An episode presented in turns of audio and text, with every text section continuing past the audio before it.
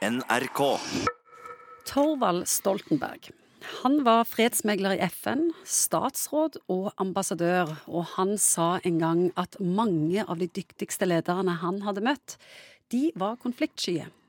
De unngikk konflikter som pesten og forsøkte å løse problemene uten å gå inn i konfliktene. Psykolog Egon Hagen, det passer i grunnen litt dårlig med det jeg hadde tenkt å formidle i dag, for du vil snakke om de som er konfliktsky, og som alltid er enige med siste taler. Ja, og det er jo eh, altså Hvis du er fredsmegler eller diplomat, så er det selvfølgelig ikke en fordel å være enormt opptatt av å lage konflikter. Da er det jo selvfølgelig andre, andre egenskaper med deg sjøl du må få fram, sånn som det å ta ut følelser og situasjoner, belyse ting objektivt osv. osv. Men akkurat det med å være irriterende konfliktstyrt Noen ganger kan du se folk fra utsida som du ser at de unngår alle konflikter notorisk. altså Nesten uansett om du går på integriteten løs, så er det sånn at de bare svelger unna uansett.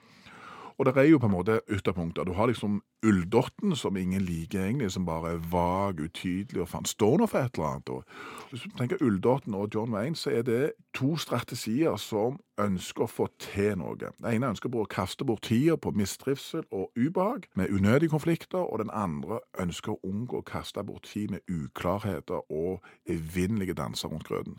Så målsettingen er på mange måter det samme, det er bare ulike strategier for å få dette til. Og det å bare klinke til og skyte fra hofta hele veien og bare gå rett på, kan jo noen ganger være befriende og, og få ting til å skje, men det kan òg noen ganger gjøre at ting eh, stopper opp. Hvis vi tar for oss den konfliktsky ulldotten, hva blir konsekvensen av et liv levd på den måten? Det er at du forsvinner sjøl, og at du er så redd for at det skal gå litt varmgang i situasjoner, eller at du skal støte folk ifra deg, eller at du skal få sinne og aggresjon opp i en, i en, situasjon, at du på mange måter forsvinner litt sjøl. Noen ganger må du dra blanke våpen. Punktum. Først er jeg bare si det at jeg faktisk ønsker å gjøre noe med det. Ja. Så all utvikling handler om å ta det fra en erkjennelse at det er sånn det er.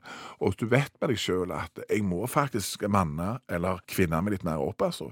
Nå begynner jeg å tåle for mye. Og da må du bare ikke forvente at når du først begynner å rense stemmen og ta igjen, at det skal være helt perfekt. Noen ganger kan det komme litt sterkt, for du har faktisk ikke trent på dette før.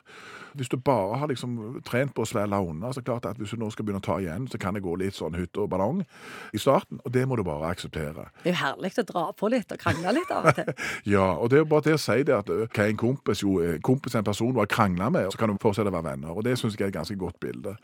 Så hvis du har en hel haug med sånne glassrelasjoner, du aldri tør å ta i dem og riste i dem, hva, hva, er verdien av dem da? Noen ganger må du jo på en måte si nei, det er jeg faktisk ikke enig i. Det syns ikke jeg er greit i det hele tatt. Hva oppnår du med å tørre å ta en sånn konflikt? At folk vet hvem du er.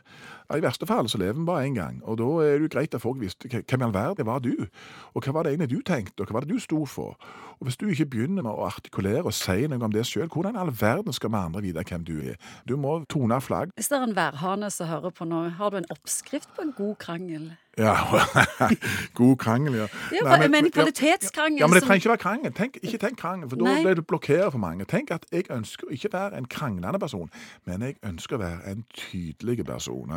Det er sånn fint psykologuttrykk. Si noe om hvordan du opplever ting. Eh, hold deg til ditt perspektiv, ikke si noe om andre. Ikke si at du er alltid så grei eller dominerende, og du tror alltid at du har vedet på alt. Men si noe om Det er liksom det som er triks. Altså jeg hører hva du sier, men min opplevelse er sånn og sånn og sånn, og dette syns jeg, og dette er mine vurderinger. Så lenge du holder deg autentisk til dine egne vurderinger, så kan egentlig ingen ta deg. Unngå å, å slå under beltestedet og personkarakteristikker og alt dette. Og det er jo det som på en måte altså, går så til de grader gale i disse kommentarene kommentarfeltene. For da glemmer folk de helt alminnelige spillereglene for hvordan vi forholder oss til andre mennesker. NRK.